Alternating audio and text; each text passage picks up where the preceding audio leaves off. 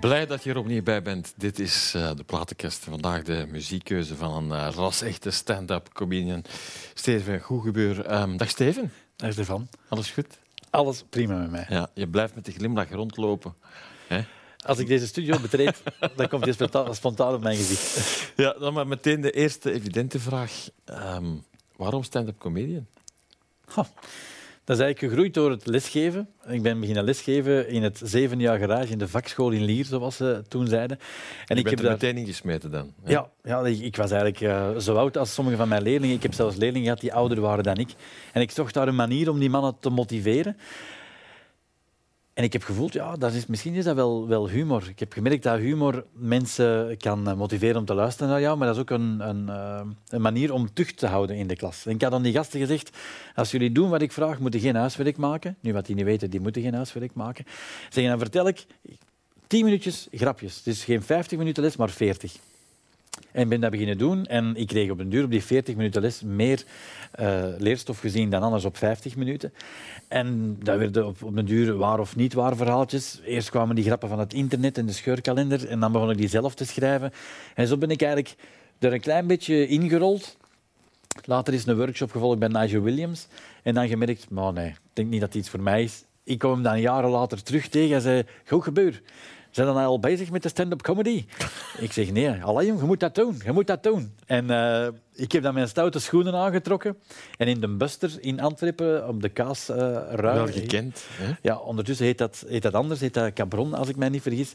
Heb ik zo op een avond mijn eerste vijf minuten gedaan. Wel onmiddellijk twee boekers aangeschreven om te zeggen, soms durf ik dat, wat zelfvertrouwen hebben. Er is een nieuw comedy-talent. Als je hem bij u in de stal wilt, zullen moeten komen zien. En een van die twee is komen kijken. En een week later deed ik het voorprogramma van Nigel Williams. En zo is dat stilletjes aan met vallen. Heel vaak vallen en opstaan gestart. Maar dat is het straffen aan stand-up comedian. Je moet echt durven vallen. Je moet je smijten, je staat helemaal naakt. Ja.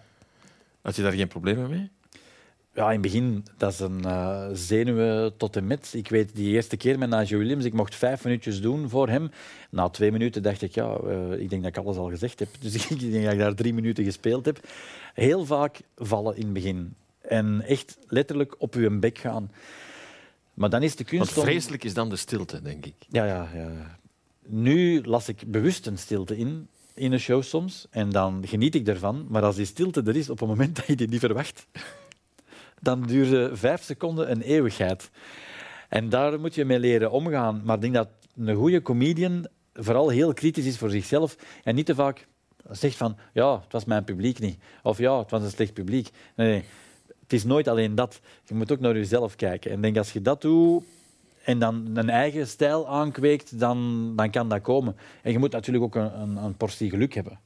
Mm -hmm. uh, dat is zoals in de voetbal. Er zijn ongelooflijke talenten die nooit eerste klasse halen, omdat die een tegenslag hebben gehad of op een bepaald moment niet gepiekt hebben als een ander het wel deed.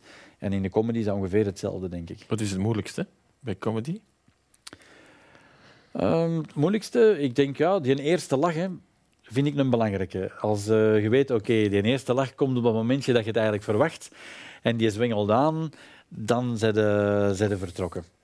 Ik denk dat, dat, dat is zoals een katalysator dan, dan vertrekt die.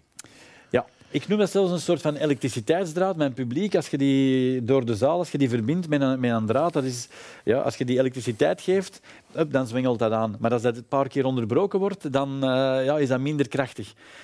Dus ik denk dat uh, dat zwengelt aan en het is aan, aan jou om dat in gang te houden. Een verschil met vroeger, als niemand u kent, dan is die eerste lach die je krijgt heel oprecht.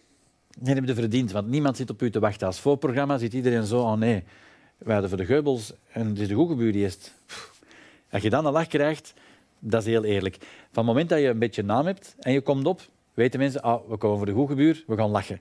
En je krijgt die eerste lach misschien net iets gemakkelijker, maar dan moeten zien dat je natuurlijk een niveau hebt, zodat je lach blijft. Want anders gaan ze na vijf à tien minuten zeggen, ja, nee, het is, uh, dat had toch meer verwacht. Dus beide periodes in mijn leven hebben, ze een, hebben hun charme gehad, maar ik ben blij met de fase waarin ik nu zit. En hoe schrijf je dan, Steven? Gans mijn leven is eigenlijk inspiratie. Dus al hetgeen dat ik meemaak, kan in een show verwerkt worden. En ik blijf heel kort bij mezelf. Als je mijn vier shows achter elkaar zou leggen, heb je één langgerekte biografie waarvan 75% bijna waarheidsgetrouw is. En 25% gebruik ik om het wat aan te dikken, om het wat grappiger te maken. Of misschien soms wat af te zwakken, dat gebeurt ook wel eens. Dus daar haal ik mijn, uh, mijn inspiratie uit het dagelijke leven, omdat ik ben een doorsnee Vlaming. Dus hetgeen dat ik meemaak, kennen heel veel mensen uit hun omgeving ofwel zelf meegemaakt, ofwel kennen ze iemand die het heeft meegemaakt. Of Herkenning ze... is natuurlijk heel belangrijk. Hè? Ja, ja. ja.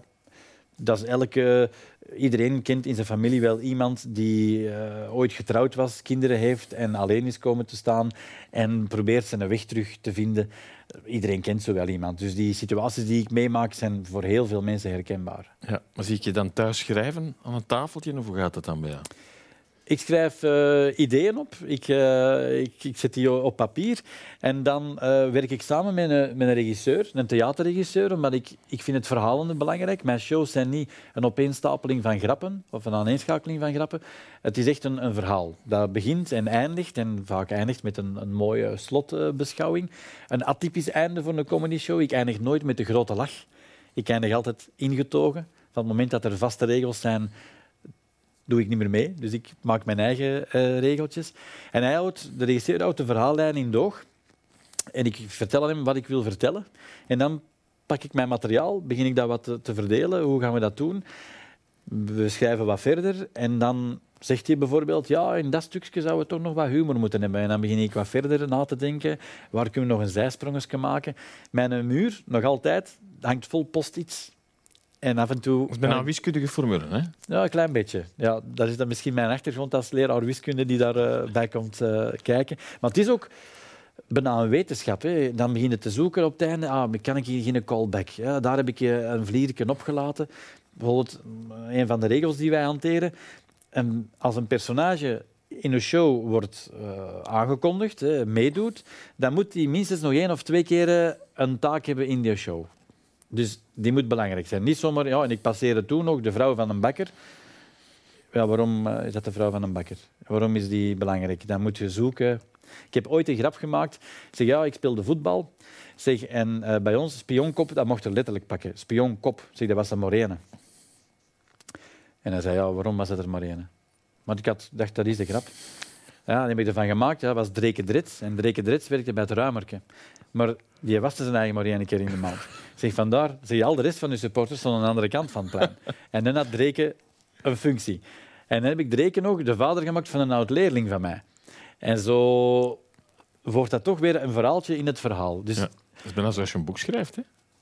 Daar kan je er echt mee, mee vergelijken. En eigenlijk die fase ik beleef daar ontzettend veel plezier aan. Zeker als we beginnen puzzelen en sleutelen. Ik vind dat fantastisch. Ja, dat is nog die leraarwiskunde in jou, denk het wel. Klein beetje. Ja. Muziek, hoe belangrijk voor jou?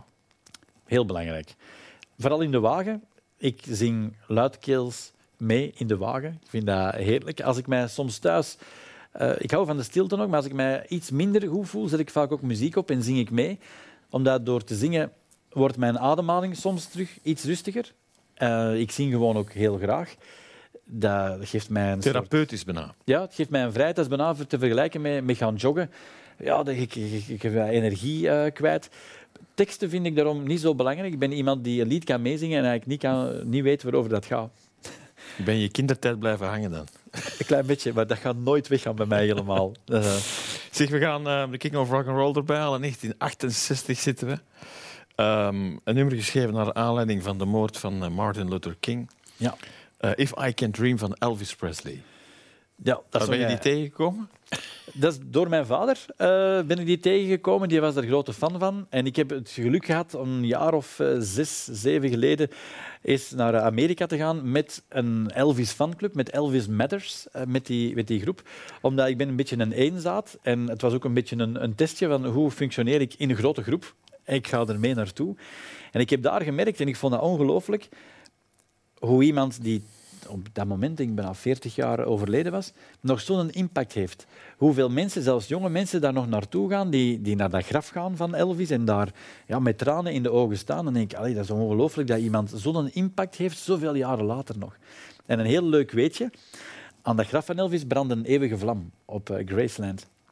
Het is op die plek dat de Bengals in een tijd aan het nummer Eternal Flame uh, gedacht hebben.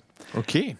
Maar die verhalen van die mensen, als ik één verhaaltje mag vertellen, er was een man bij die droomde al jaren van die reis naar Amerika, naar Graceland. En die zijn vrouw heeft vijf jaar lang al haar verplaatsingen met de fiets gedaan. En al het geld dat ze uitspaarde door geen benzine te moeten kopen, had ze gespaard om haar man die reis cadeau te kunnen geven op dat moment. Dat is liefde. Maar dat zijn de verhalen die voor mij die reis zo bijzonder hebben gemaakt. Ik heb met die man gepraat, ik had zelf tranen in de ogen. Ja, dat is fantastisch. En dat allemaal bij elkaar, ja, die Elvis dat moet toch wel een heel bijzondere figuur geweest zijn. Absoluut. The king of rock and roll.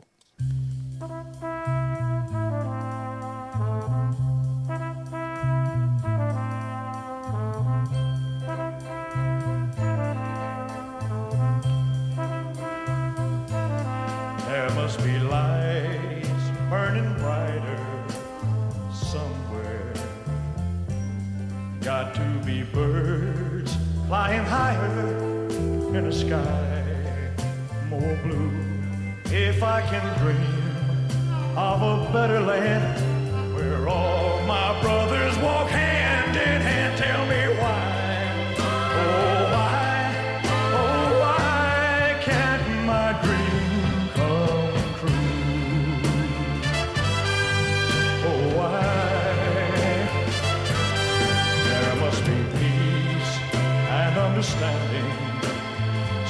sometime.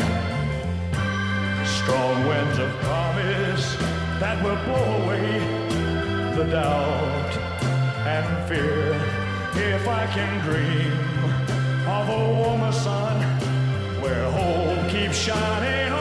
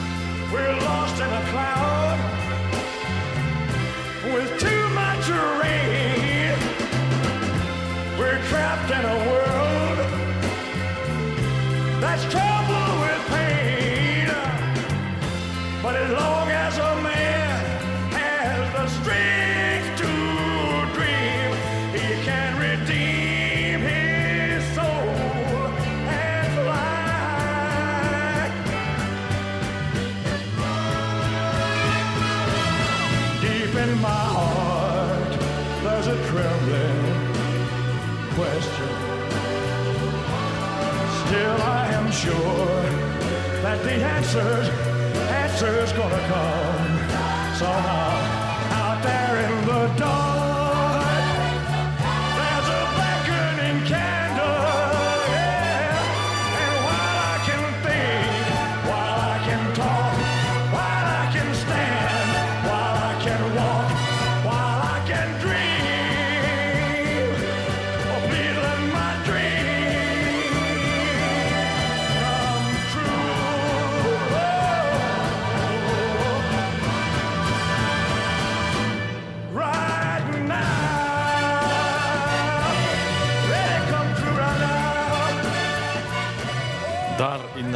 eh, Graceland met Steven Hoegebeurs, Elvis Presley en eh, If I Can Dream uit eh, 1968. Je hebt me al verteld dat je niets liever zou doen dan doorgaan op het podium. Hè? Ja. Zou je kunnen omschrijven wat dat doet met jou? Het woord bubbel gebruikte ik al voordat corona eh, ontstaan was. Ik zit twee uur per dag in een bubbel daar en ik voel mij daar oprecht gelukkig. Dat is zo een moment ook, twee uur op een dag, dat ik eigenlijk eh, alles in handen heb. Ook al sta je daar voor, voor 400, 500 of soms meer mensen, toch heb ik de touwtjes in handen. En eh, ik geniet er ongelooflijk van om mensen te, te zien lachen, om die mensen te zien genieten, om er soms een klein beetje te zien wegkruipen als ik met een interactie eh, bezig ben. Maar ik doe dat altijd heel respectvol, want zij moeten geen schrik hebben om bij mij op de eerste rij eh, te gaan zitten. Maar ik kan er ongelooflijk van genieten. En ik heb ooit gezegd, ja, een goede comedy show, maar dat geldt langs twee kanten, zou door de ziekenkast moeten terugbetaald worden. Ik, Ik genees heb dat soms- ook gelezen, ja. ik genees soms op een podium. Ik kom soms van thuis en ik voel me oh, niet 100 procent. En ik, ik zit op dat podium en ik ga genezen terug naar huis. En soms heb ik het gevoel dat mensen die een stressvolle dag hebben gehad, na anderhalf uur of een uur en drie kwartier luisteren, dat die soms ook twee centimeter groter terug naar huis gaan. En dan is voor mij de avond geslaagd. En dat gevoel, Dan krijg je een brok energie gratis mee naar huis. ja. Ik hoef zelfs dat, dat applaus is mooi, Maar ik zie aan de reacties tijdens de show, voel ik al, ja, dit is een, een leuke avond voor ons beiden. En door die interactie wordt hij ook altijd een beetje uniek. Want een interactie is nooit twee avonden aan elkaar net hetzelfde. Wat iemand gaat antwoorden, soms kan je het voorspellen, maar niet altijd. Dat maakt, eh, ja, dat maakt mijn job zo bijzonder. Ik kom eigenlijk bijna alleen maar in contact met mensen die goed gezind zijn en willen lachen. En dat is onbetaalbaar. In jouw geval zou ik schrik hebben van een blackout, zo, denk ik dan. Ik ga eh, hout vasthouden. Ik, ik heb nog nooit een blackout gehad. En Misschien komt dat omwille van het feit dat ik niet echt vast vastzit aan mijn tekst. Ik weet wel wat ik ga vertellen, maar soms de manier waarop ik aan een bepaalde grap geraak of een En heb bepaald je zo bepaalde ankerpunten voor jou liggen of, of ergens? eh, Nee, nee, niets. omdat als je zo'n oude vast hebt, dan ga je er gemakkelijker naar grijpen. En nu ontstaat er vaak iets nieuws omwille van het feit dat ik dat niet heb. Ik zeg soms aan mijn publiek, zeg, waar waren we nou gebleven? Zeg, meneer, wat had ik net juist gezegd? Ik zeg, oh, jij bent niet aan het opletten, maar terwijl dat ik dat zeg, ben ik wel aan het nadenken en weet ik terug, ah ja, we zaten daar. Ehm, maar echt een blackout, gelukkig heb ik dat nog niet gehad. Eh, Ja. Want het is niet dat je vroeger vaak op een podium kroop. Helemaal niet. Tot voor ik als comedian startte, ik ja, daar was ik eigenlijk niet mee bezig. Ik weet nog een spreekbeurt toen in de lagere school. Dat was een hel, hè. Dat, dat ik zenuwachtig. Moet je en- geloven eigenlijk. Hè? Ja, nee, dat is inderdaad... Want mensen die zouden zeggen, ja, we zouden dat er al van kleins af aan in bij de Steven, dat is, dat is niet waar. Want dat waren jouw interesses als je jong was. Ik was een voetballer, hè. ik ging profvoetballer worden. Hè. Ik ging een nieuwe Erik Gerrits worden. Ik was een benarde verdediger, een mandekker, als ze toen zeiden. Dat was mijn eh, ambitie. Dat was ook hetgeen dat mijn, mijn vader graag had gehad, dat ik het in die sport verder zou maken dan hij. Uiteindelijk ben ik bij Lira eh, terechtgekomen. Dus eh, hoger dan derde klas heb ik niet gespeeld. Daar moet ook al een beetje voor kunnen voetballen. Maar dat was eigenlijk... En ik heb eigenlijk heel mijn jeugd daarop afgestemd. Eh, Nooit gaan skiën, niks anders gedaan. Maar misschien goed dat ik niet vroeger met dit bezig was, want voor mij is het eigenlijk nog allemaal nieuw. We hebben net tien jaar Steven op de planken, hebben we twee of drie jaar geleden gedaan. Ik ben nu rijp genoeg om comedian te zijn. Ik ben niet... Je hebt daar wel een bepaalde maturiteit voor nodig, denk ik. Hè? Ja, je hebt natuurlijk ook jonge gasten die die gaven hebben om dat te doen. Maar natuurlijk, het arsenaal waar die uit kunnen putten is beperkter dan... Ja, ik heb al een heel leven gehad, bij niet van spreken. Dus ik heb wel heel wat dingen waarover ik kan eh, vertellen. Maar ik ga natuurlijk geen verhaal vertellen over mijn ervaringen met de PlayStation, want dat zou bij mij niet geloofwaardig zijn. maar bij de jongens dan weer wel. Ja. Zeg, we gaan naar de jaren 70, 1972. Soulnummer, verschillende keren gecoverd. Fantastisch nummer. Lean on Me van Bill Withers. Is die dan ook bij jouw ouders of eh, hoe zit dat mee? Nee, die heb ik zelf eigenlijk nog maar een jaar geleden meer en meer beginnen appreciëren. Dat is een beetje laat, hè? Ja, beginnen opzoeken ook. En dan dacht ik, potverdikke, die heeft wel heel veel mooie en goede nummers geschreven. En Lean on Me vind ik ook... eh, ja, dat vind ik een prachtige tekst. Ik zei daar straks, ik luister niet altijd naar de teksten, maar die een tekst...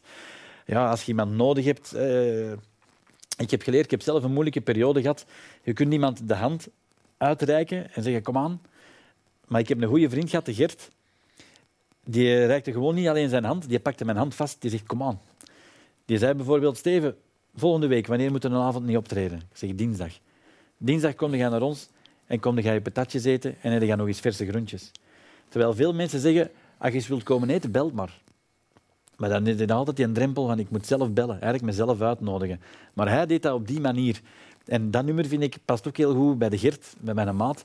Omdat hij echt tegen je komt, als je iemand nodig hebt, steun maar op mij. Ik trek u er letterlijk Dat is uit. het mooiste wat er is, hè?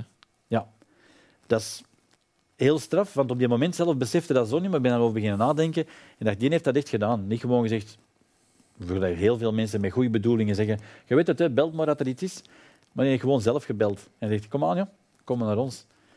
Daar krijg ik nog kippenvel van. Ja, ik zie het. Ja. Ja, mooi. Ja. Lean on Me, Bill Withers.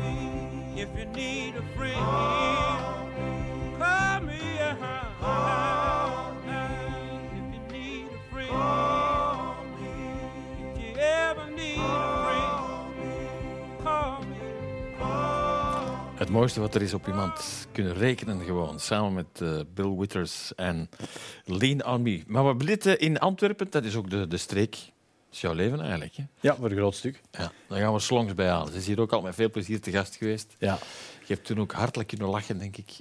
fantastische vrouw. Ja, fantastische vrouw. Hoe Ja. goed ken je ze? Ik ken ze, ik ken ze redelijk eh, goed. Ik heb haar eigenlijk voor de allereerste keer ontmoet bij Festival Speciaal. Dat is in Geel. Dat is een festival. Dat hoort bij jullie zo. Ja, ja dat, hoort, dat hoort bij ons.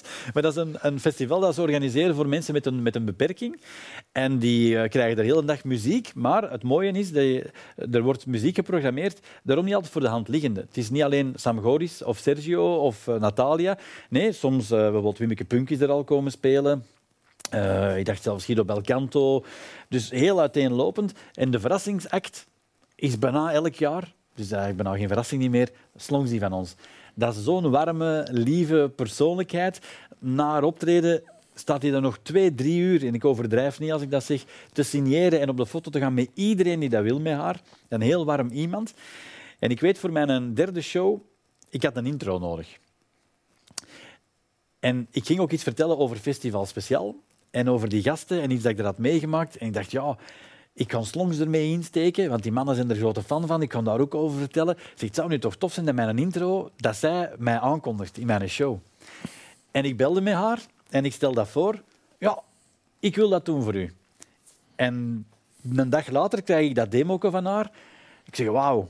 Zeg, dat is fantastisch. Zeg, dat is, dat is het. Ze, moet je dat niet wat beter doen? Zeg, nee. Zeg, dat, dat is ik niet goed. Zeg, eh, zeg, hoeveel moet ik u? Zeg, voor uw tijd en zo. Zeg, zei ze, lot dat zo. Jij maakt in uw show elke week reclame voor mij. En zei, dat is allemaal niet nodig. En dat we elkaar tegenkomen, dat is altijd heel hartelijk.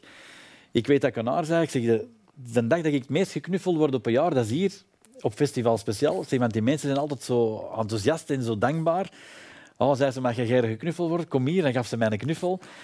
Dat is echt een, eh, een topmadam die ook hard heeft moeten knokken. En ja, die staat zo mooi en positief in het leven. Ik heb daar heel veel eh, respect voor ook. Ehm, en ik ben eh, een fan van het genre, van het rappen, de reggae-invloeden die er bij haar zeker ook in zitten. Ik vind dat, dat, is een, dat is een gave waar ik jaloers op ben als je dat kunt, zo, zo rappen. Ik ben ook een grote Eminem-fan. Maar Slongs, ja, top. Een topvrouw. Puur. Ja, Ja. eerlijk. En zo heb ik de mensen heel graag. Vandaar denk ik dat, dat ik haar zo, zo bewonder. Oké. Je hebt het gehoord, hè? Slongs.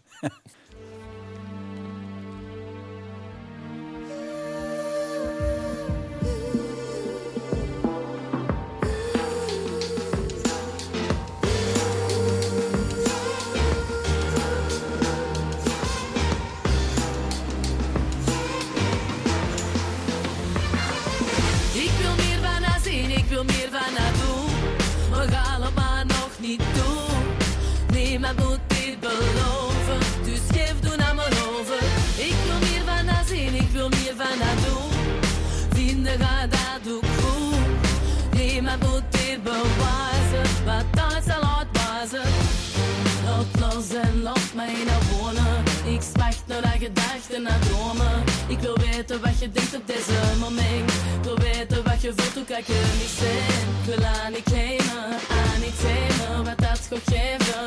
Teken onze plan, teken ons niet aan. Niets is voor altijd alleen de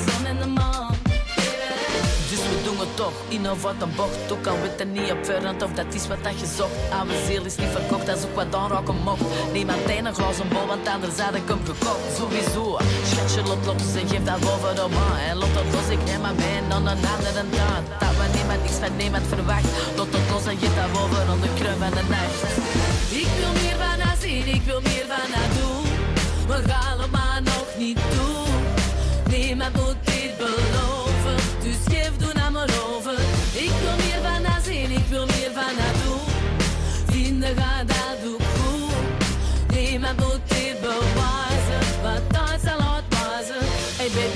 het jou beloven, kan ik niks, maar ik wil geen one night stand. Ik wil geen snelle fix, never stop maar niet verkeerd. Het is niet dat ik aan niet wil, maar aan moment is interessanter dan vanavond van Bill. Te gaan morgen op te staan, wat heb ik nagedaan? Zou de wagen after waar vergeet ik, ik hou mijn naam. Damn, weer een kans gemist. Toen ik ik al lang niet meer is van mijn naar de schaaf gewist. Vraag het waarom als ik ik aan denken, dat ik het koud heb, is dat dan dat gaat er niet zijn. Desalniettemin hou ik ik maar in. Ik zie naar zitten, maar ik wil ik geen ring. Nee, zolang als dat past, loop ik ik even staan. En vanaf dat schoentje vriend, dan ik ik haar terug. Laat dat ik heb gekend, dat ik heb in verbind. Laat dat we zijn gesprongen, zelfs al blijft er niet voor altijd maar een ving. Ik wil meer van haar zien. ik Straffe wil pure madame, eh, deze Slongs. En ik wil meer de platenkast van Steven Goegebuur. En eh, zometeen nog meer interessante verhalen, ben ik zeker van. Na dit.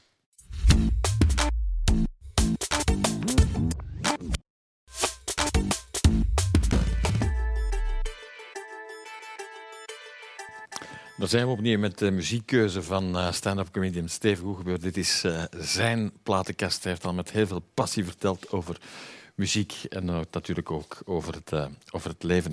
Steven, maar waar jij ook mee bezig bent, is schilderen, kunst. Wanneer ben je daar in dat straatje terechtgekomen? Ondertussen, ja, een dik jaar geleden, ben ik eigenlijk heel toevallig beginnen schilderen. Ik miste mijn publiek. Jij doet alles toevallig. Ja, leven hangt dan een van toevalligheden. Zij de leraar wiskunde, Ja. die dan toevallig tien minuten had om eh, humor te maken en nu toevallig Ja. een potje verf heeft gekocht. Maar dat is het mooie ook. Hè. Als ze aan mij vragen, Steven, volgend jaar rond deze tijd, wat zij dan doen en waar zij dan kan ik daar niet op antwoorden. Ja. En dat is een angst die ik wel had toen ik eh, les gaf op een gegeven moment. Van, als ik daar had blijven zitten, had ik dat wel kunnen zeggen. Waar ik volgend jaar rond deze tijd zit, aan die tafel, voor die stoel, met die leerkrachten.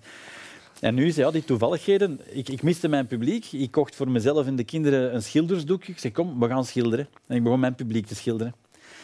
Nu, ik had een paar jaar eerder een ontmoeting gehad met Hannes Dazen. Dat is de zoon van wijlen Dr. Leconte. En dat is een, een schilder. En ik vond het wel mooi wat hij maakte.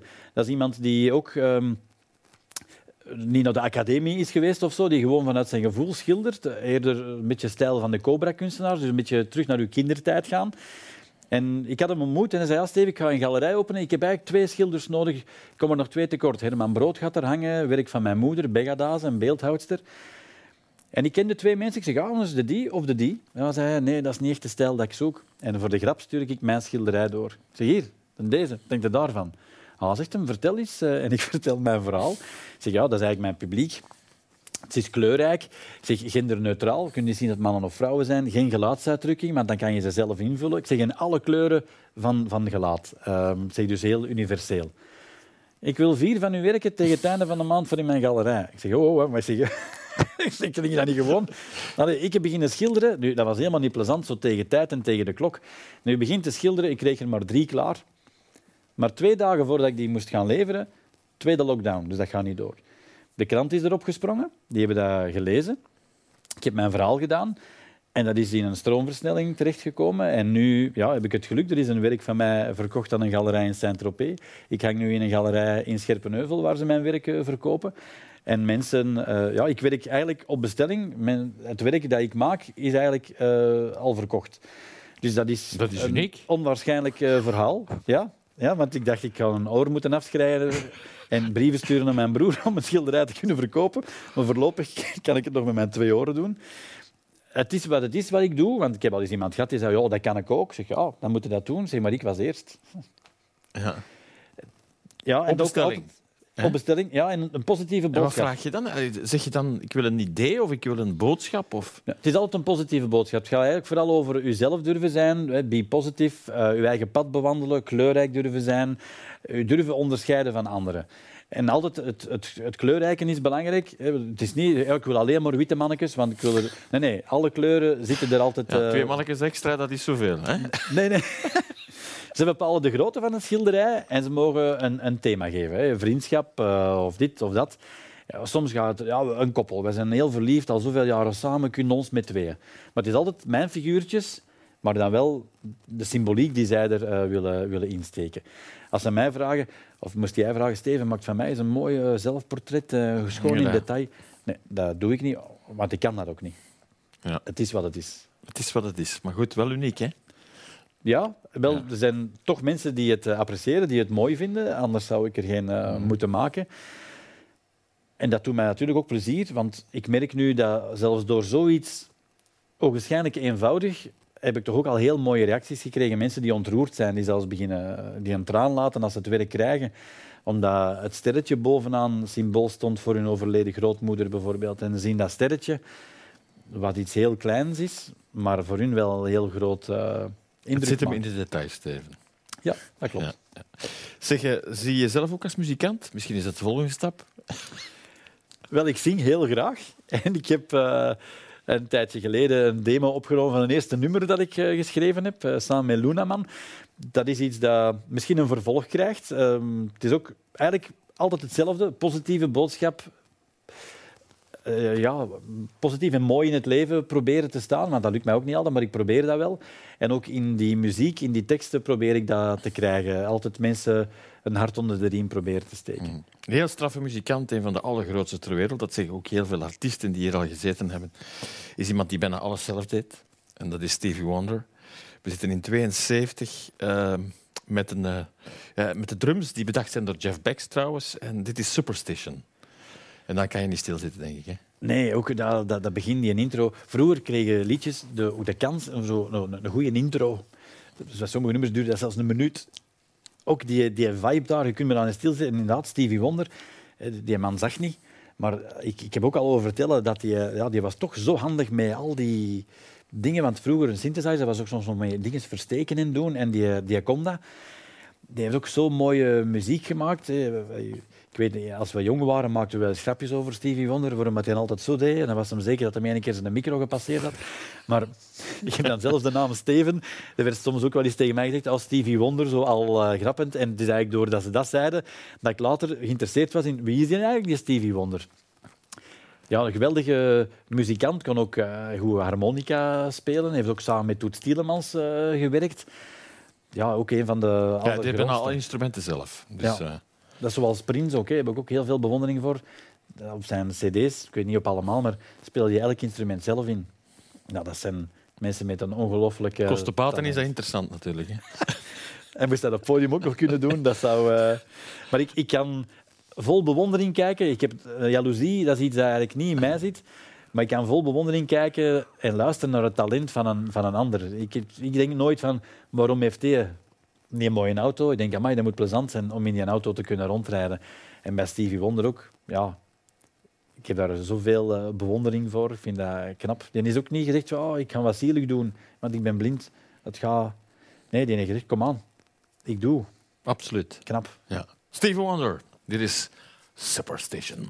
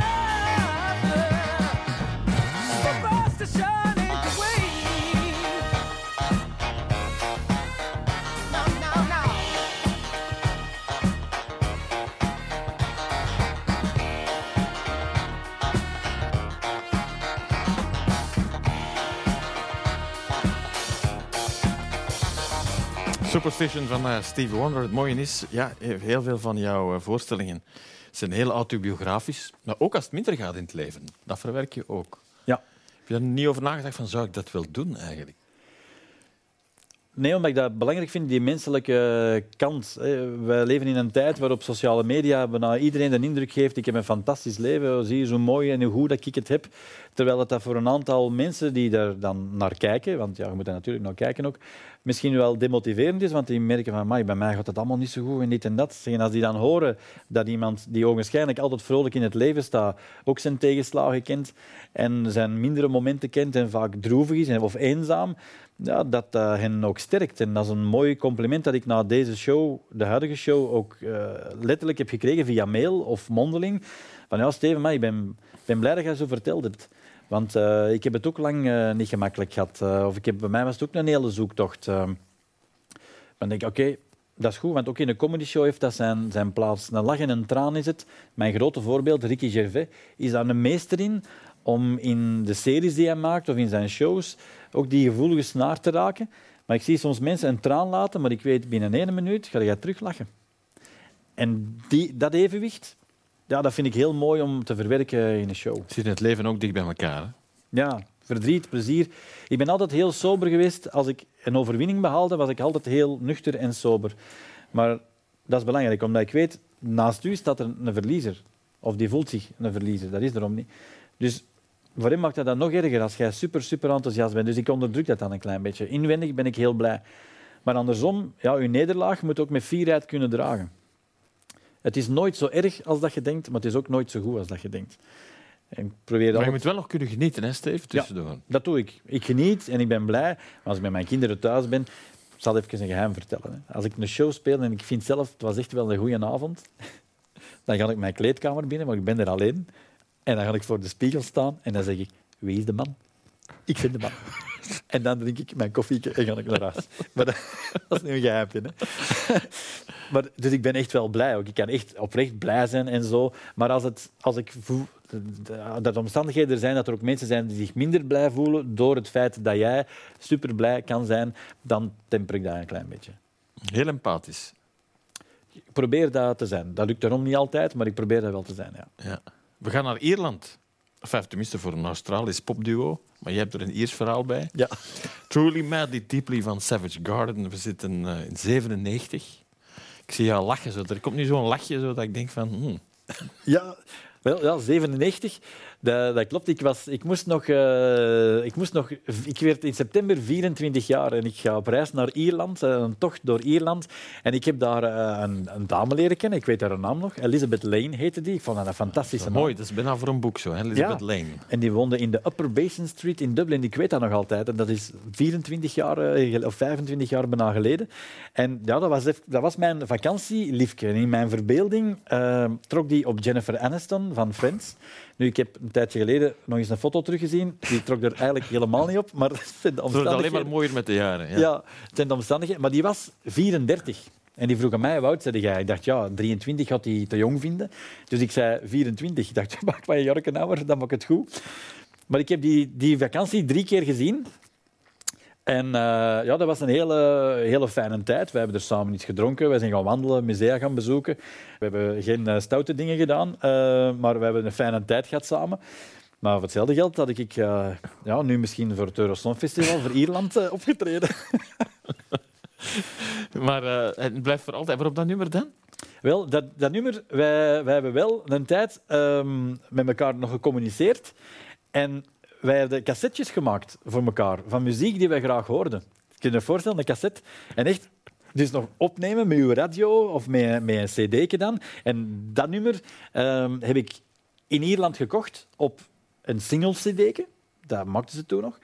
En ik heb dat single cd, ik heb dat opgenomen, samen met nog het nummer ehm, van Right Set Fred. Eh, is- Swan, I'm Ah, ja. like a swan, I only love once. Eh, want een zwaan is een van de weinige dieren die kiezen een partner en dat is een partner voor het leven. Vandaar ook dat die bijna uitgestorven zijn waarschijnlijk. Maar, eh, maar dat nummer, dat was het eerste nummer dat ik opnam en naar haar heb gestuurd. Ja. ja, maar ik zie nog die, die schittering in jouw ogen. Dus eh Savage Garden, Truly Madly Deeply.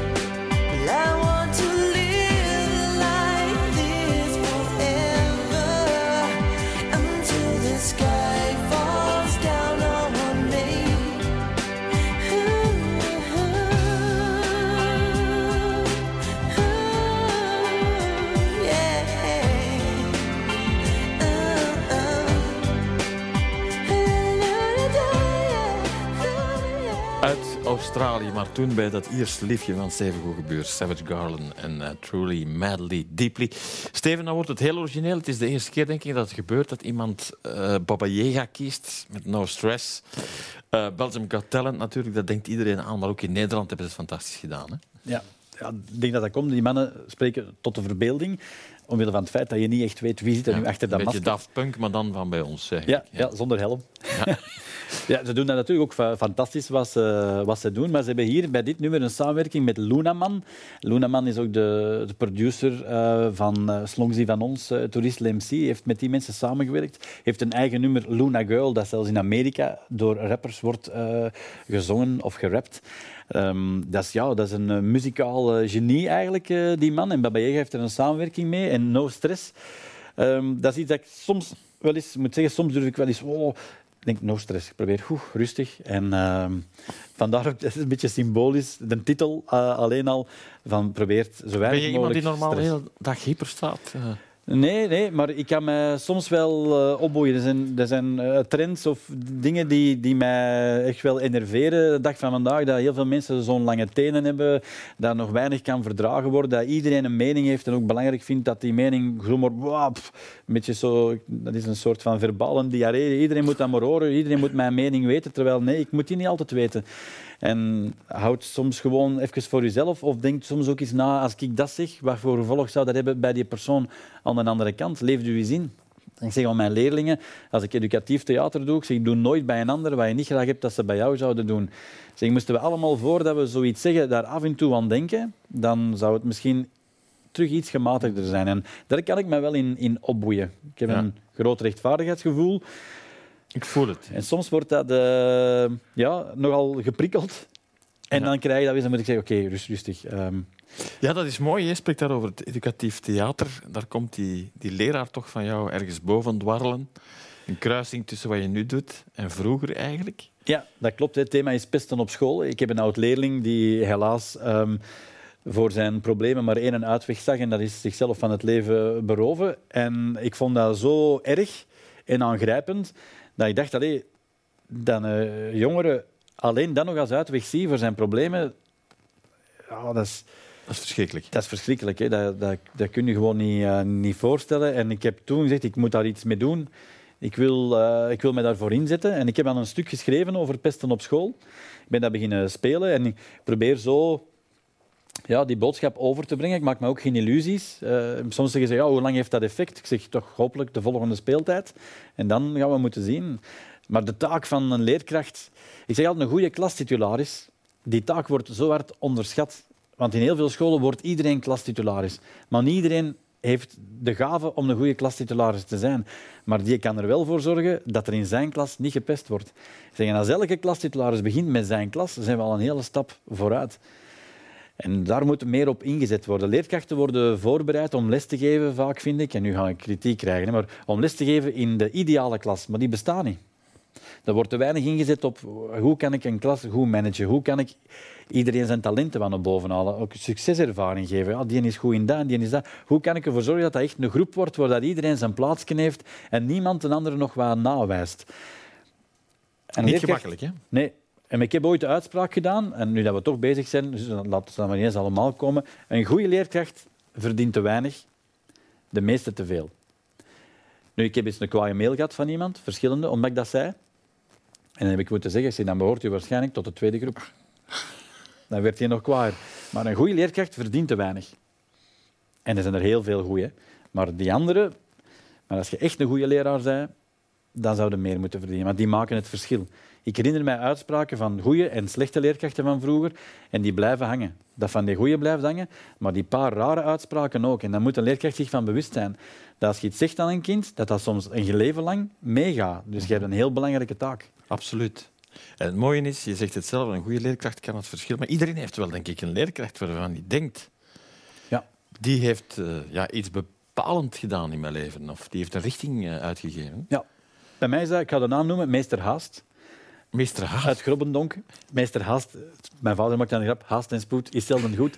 Maar meester Haast was mijn leraar van het zesde leerjaar. Die was streng, ik heb er straf van gekregen ook, maar rechtvaardig, en dat is belangrijk. En die had gevoel voor humor. Fantastische mens. Ik heb tot mijn dertigste verjaardag kerstkaartjes blijven sturen. En als ik in het zesde leerjaar de school, de lagere school verliet, heb ik traantjes gelaten en aan mijn ouders gevraagd, mag ik alsjeblieft blijven zitten? Dat mocht niet. Mhm. Maar die Amai. man maakte voor mij het verschil. Ja, ik hoop dat hij het nog ergens hoort of ziet. Hij leeft nog, denk ik. Ja, ja, ik heb op zijn 50ste huwelijksverjaardag zelfs als verrassing eh, op het feest een kort optreden gegeven. Ah, geweldig. Ja. Ja. Hier is Baba Yaga en eh, vooral duidelijkheid, no stress.